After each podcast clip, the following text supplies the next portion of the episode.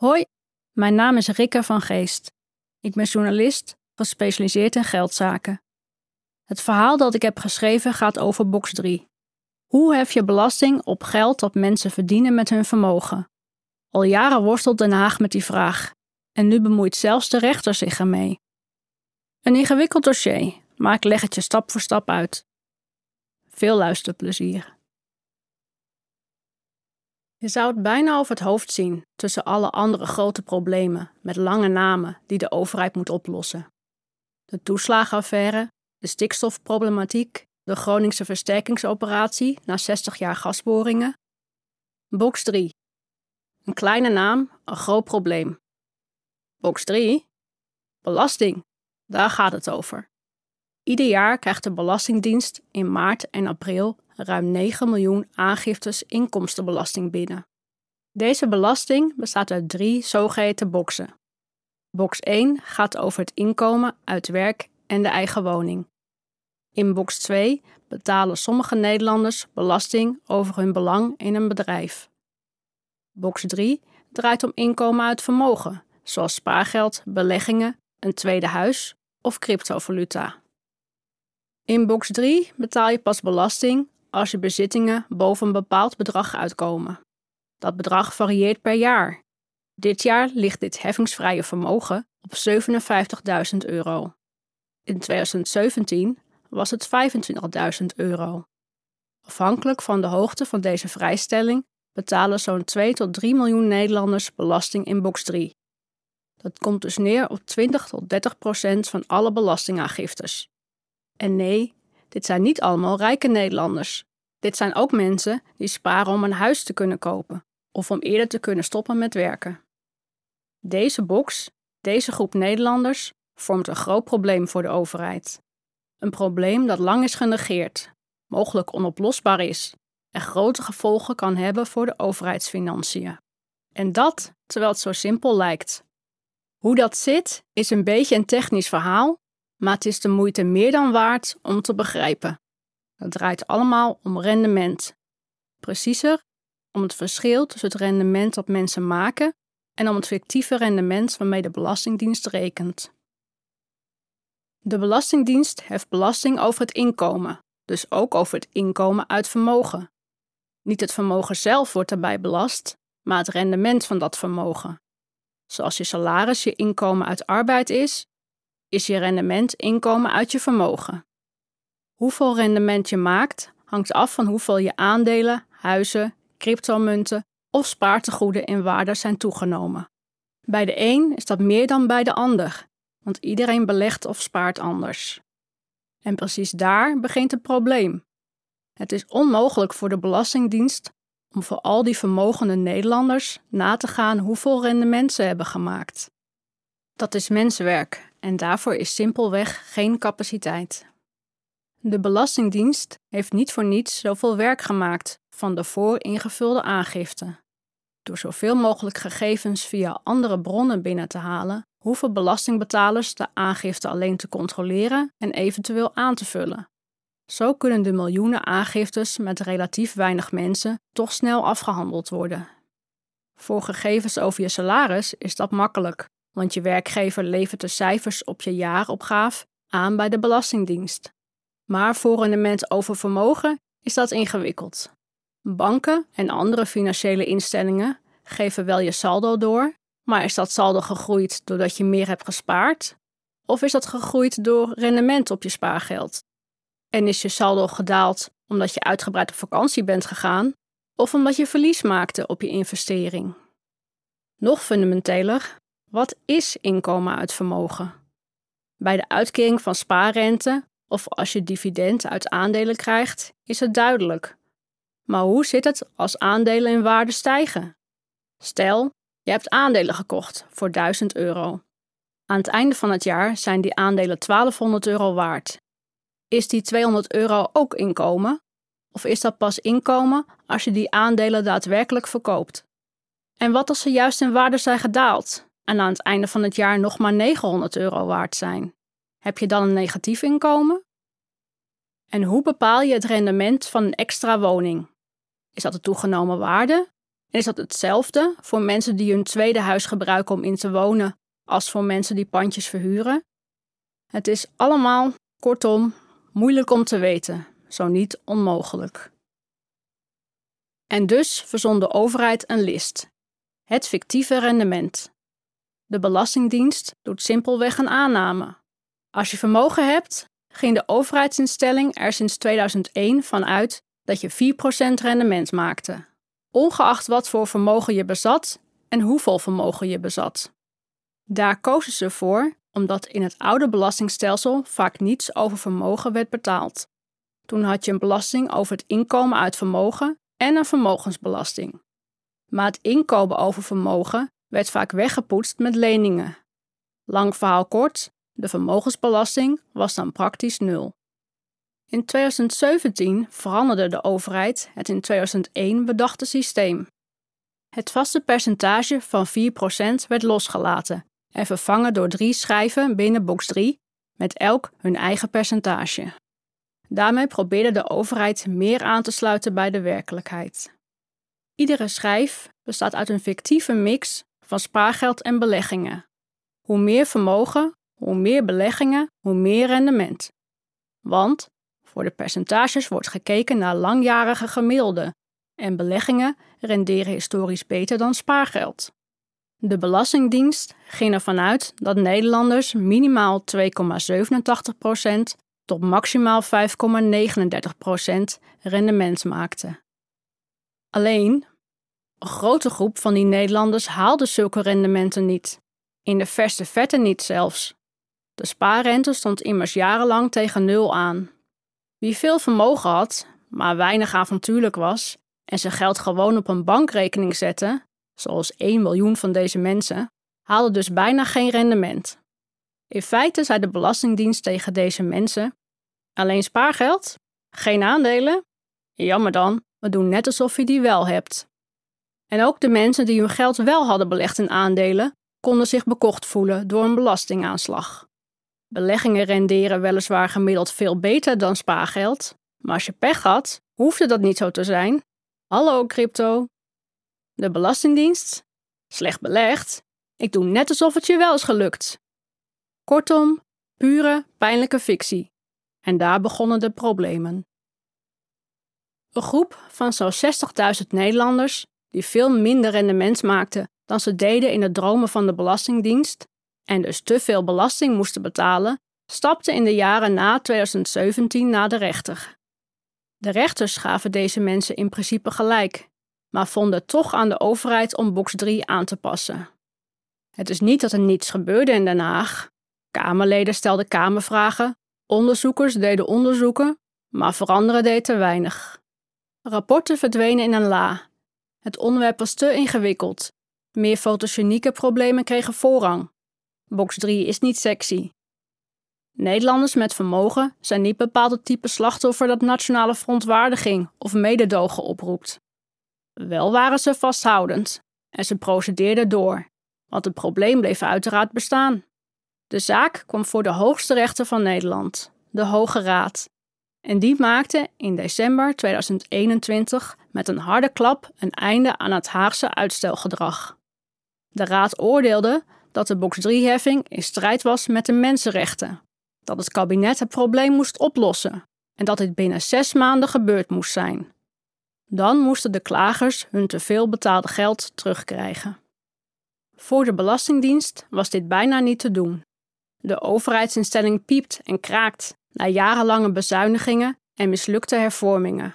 Door een ICT-systeem dat stokoud is en door de vele wensen van de Tweede Kamer om allerlei groepen wel en niet van specifieke kortingen of toeslagen te voorzien. En dan nu, binnen zes maanden, alle klagers compenseren, uit een weerwar van documenten het werkelijk rendement van die 60.000 mensen berekenen? Onmogelijk. Dat uitzoekwerk vecht veel meer tijd, als dat rendement überhaupt nog achterhaald kan worden. Bovendien rest nog steeds de filosofische vraag: wat valt wel en niet onder werkelijk rendement? Daar is nog niets over afgesproken. Vandaar dat staatssecretaris van Financiën, Marnix van Rij, iets verzon.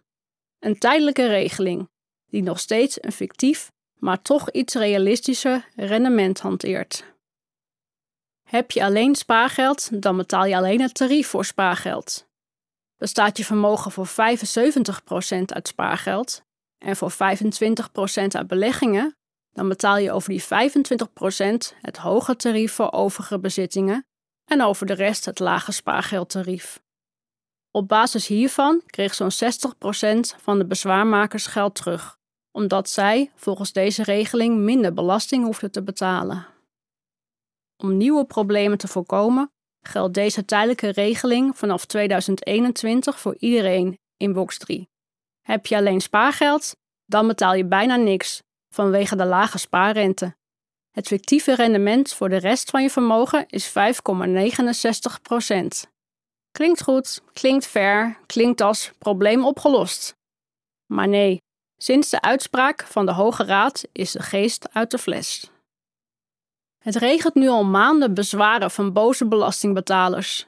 Begin april waren bij de Belastingdienst al ruim een half miljoen box 3 bezwaren binnengekomen. Logisch, want je moet bezwaar maken als je gecompenseerd wilt worden. Box 3 betalers die geen bezwaar hebben gemaakt, lijken pech te hebben. Op basis van een andere uitspraak van de Hoge Raad lijkt de overheid niet verplicht om iedereen te compenseren. Dat moet toch een opluchting geweest zijn voor het kabinet, dat daardoor 4,1 miljard euro bespaart. Het laatste woord is daar nog niet over gezegd, want de Hoge Raad buigt zich op verzoek van het kabinet nog een laatste keer over deze zaak. Dit is vooral om de stroom aan te laat ingestuurde bezwaren in één keer te kunnen afhandelen en om te voorkomen dat de bezwaren blijven binnenkomen. Een half miljoen bezwaren. Dat klinkt misschien niet als veel, maar het is het wel. De Belastingdienst draait op automatisering en alles wat niet automatisch afgehandeld kan worden, zoals deze bezwaren, is een extra belasting voor een dienst die dat in zulke aantallen niet meer aan kan. En wat als de tijdelijke regeling niet overeind blijft, als een rechter zich erover buigt?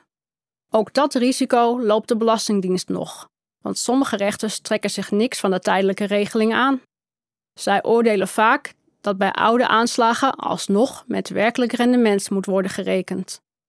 De staatssecretaris maakt daar dan weer bezwaar tegen, waarover de Hoge Raad zal moeten oordelen. Wie weet met welke arbeidsintensieve en miljarden verslindende uitkomst als gevolg. En zelfs als dat achter de rug is, is het einde nog niet in zicht. Nieuwe rechtszaken hangen in de lucht, zoals die van de Vereniging van Effectenbezitters. Die berekende dat particuliere beleggers vorig jaar gemiddeld 14% verlies hebben geleden. Ook zij betaalden belasting over een rendement dat er niet was. En ook zij denken, met het oordeel van de Hoge Raad zwaaiend, dat dit een schending is van hun rechten. Is er nog meer ellende? Er is nog meer ellende. Box 3-betalers krijgen het advies om standaard bezwaar te maken tegen elke nieuwe belastingaanslag om hun rechten veilig te stellen. Na verwachting zal vrijwel elke Box 3-belastingbetaler dit gaan doen. Je raadt het al. Dermatologen zullen bij de Belastingdienst een nieuwe vorm van stressexeem ontdekken. Uit wanhoop verzonnen slimme ambtenaren een truc. Om te voorkomen dat de dienst verdrinkt in een nieuwe stroom bezwaren, krijgt iedereen met overige bezitting in box 3 dus ander vermogen dan spaargeld, vanaf 20 april een voorlopige aanslag over 2021 en 2022. Wat daar slim aan is, de Belastingdienst kan dan afwachten of de tijdelijke regeling overeind blijft in de rechtbank. Want je kunt alleen bezwaar maken tegen een definitieve aanslag. Dit voorkomt extra werk en het kabinet wint de tijd mee. De definitieve aanslag moet namelijk binnen drie jaar na het aangiftejaar opgelegd zijn. Van Rij heeft aangekondigd de tijdelijke regeling te verfijnen. Zodanig is zijn hoop dat de regeling in de rechtbank stand houdt. Om klaar te zijn met alle tijdrovende herstelwerkzaamheden, een taak die een garantie op burn-outs lijkt, maar ook om enkele miljarden andere redenen. Misgelopen belastingeuro's. Dat zit zo. Het fictieve rendement van box 3 is voor de overheid al jaren een stabiele inkomstenbron van zo'n 4,5 miljard euro. Stel je voor dat de tijdelijke regeling het niet redt. Daar hangt nogal een prijskaartje aan. Miljarden euro's moeten worden terugbetaald. En mogelijk kunnen miljarden euro's niet meer worden geïnd. Hoeveel? Dat is de vraag. Het is afhankelijk van het feit of het kabinet nog weg kan komen met een aanpassing. Zoals de tijdelijke regeling ook uit de hoge hoed getoverd werd na de uitspraak van de Hoge Raad. Maar over 2022 kun je vanwege het rampzalige beleggingsjaar en de lage spaarrente wel stellen dat de kans groot is dat de Belastingdienst nagenoeg niks kan innen. De kostenpost van het ene jaar is dan al circa 4 miljard. Hetzelfde bedrag dat het kabinet vrijmaakte om 2,5 miljoen woningen te isoleren. Er wordt hard gewerkt aan de uiteindelijke oplossing. Een stelsel op basis van werkelijk rendement. Maar dat is pas op zijn vroegst haalbaar in 2027. Zo'n niet-fictieve box 3 kost tijd om goed uit te werken. Het moet praktisch zijn en het moet in het verouderde systeem van de Belastingdienst worden ingevoerd. Elk jaar dat dit stelsel verder wordt uitgesteld en de tijdelijke regeling doorloopt, kost het de schatkist sowieso al 385 miljoen euro. Stel nu dat het invoeren van het nieuwe stelsel lukt, dan nog is er een mogelijk probleem. Het belasten van werkelijk rendement betekent immers een einde aan die stabiele 4,5 miljard aan opbrengsten van box 3. Simpel voorbeeld: in 2022 maakten beleggers grote verliezen. Geen rendement betekent geen belastinginkomsten. Net zoals de spaarders de afgelopen jaren nauwelijks rente kregen. Ook dan geen belastinginkomsten. Daar staat tegenover dat in sommige jaren de inkomsten uit vermogen hoger zijn dan het oude fictieve rendement. Van reisvoorgangers kozen de makkelijke weg. Een vast percentage vermijdt lastige discussies over rendement en zorgt voor stabiele inkomsten. Van Rij moet door de uitspraak van de Hoge Raad wel aan de fluctuaties geloven. De inkomsten uit box 3 zijn straks moeilijker te voorspellen. Als er door nieuw beleid minder geld binnenkomt, probeert het ministerie dat zelf op te lossen. In de tijdelijke regeling worden lagere inkomsten deels gecompenseerd door het belastingpercentage op te schroeven. De oorspronkelijke 30% belasting over het rendement gaat jaarlijks met 1 procentpunt omhoog naar 34% in 2025. En wie weet hoe ver dat kan gaan. Zo raar is het niet om dat percentage aan te laten sluiten bij de inkomstenbelasting. Die kan oplopen tot 49,5%. Daarnaast kan het bedrag waarover je geen belasting betaalt in box 3 naar beneden worden bijgesteld, zodat meer Nederlanders de fiscus moeten betalen. Kortom, er zijn nog wel wat knoppen waar de staatssecretaris aan kan draaien om het risico op lage inkomsten te verkleinen, maar de fluctuaties blijven bestaan. Als de goede jaren de slechte jaren compenseren, is er niet zoveel aan de hand. Maar als de inkomsten structureel lager zijn dan verwacht, is dat vervelend in een toekomst met begrotingstekorten en een oplopende staatsschuld. Hoe nu verder? De bedoeling was dat Van Rij uiterlijk met Prinsjesdag op 19 september 2023 zijn aanpak zou presenteren. Nu het kabinet gevallen is, is de vraag of dat nog doorgaat. De Tweede Kamer mag moeilijke onderwerpen controversieel verklaren, waardoor die blijven liggen voor een volgend kabinet. En laat box 3 nu een onderwerp zijn waar de meningen over verdeeld zijn. Vorig jaar dienden de PvdA, GroenLinks SP, Partij voor de Dieren en Volt nog een initiatiefwetsvoorstel in voor een progressieve vermogensbelasting. Vermogensbelasting dus, helemaal geen belasting over werkelijke inkomsten. Van der Rij heeft destijds advies gevraagd, maar als je een vermogensbelasting invoert in plaats van de huidige belasting, loop je het risico dat die wederom in strijd is met de mensenrechten. De uitdaging is dus om het scenario te kiezen dat bij de rechter overeind blijft en toch voldoende geld in het laadje brengt. Of Van Rij en zijn opvolger dat voor elkaar krijgen, is misschien pas over tien jaar duidelijk, als er ook jurisprudentie over het nieuwe stelsel bestaat. We kunnen door de val van het kabinet wel stellen dat 2027 als invoerdatum niet meer haalbaar is. Dat betekent opnieuw vertraging van een project dat al sinds 2015 in Den Haag op tafel ligt. Daarmee is deze fictieve fiscale nachtmerrie nog lang niet voorbij.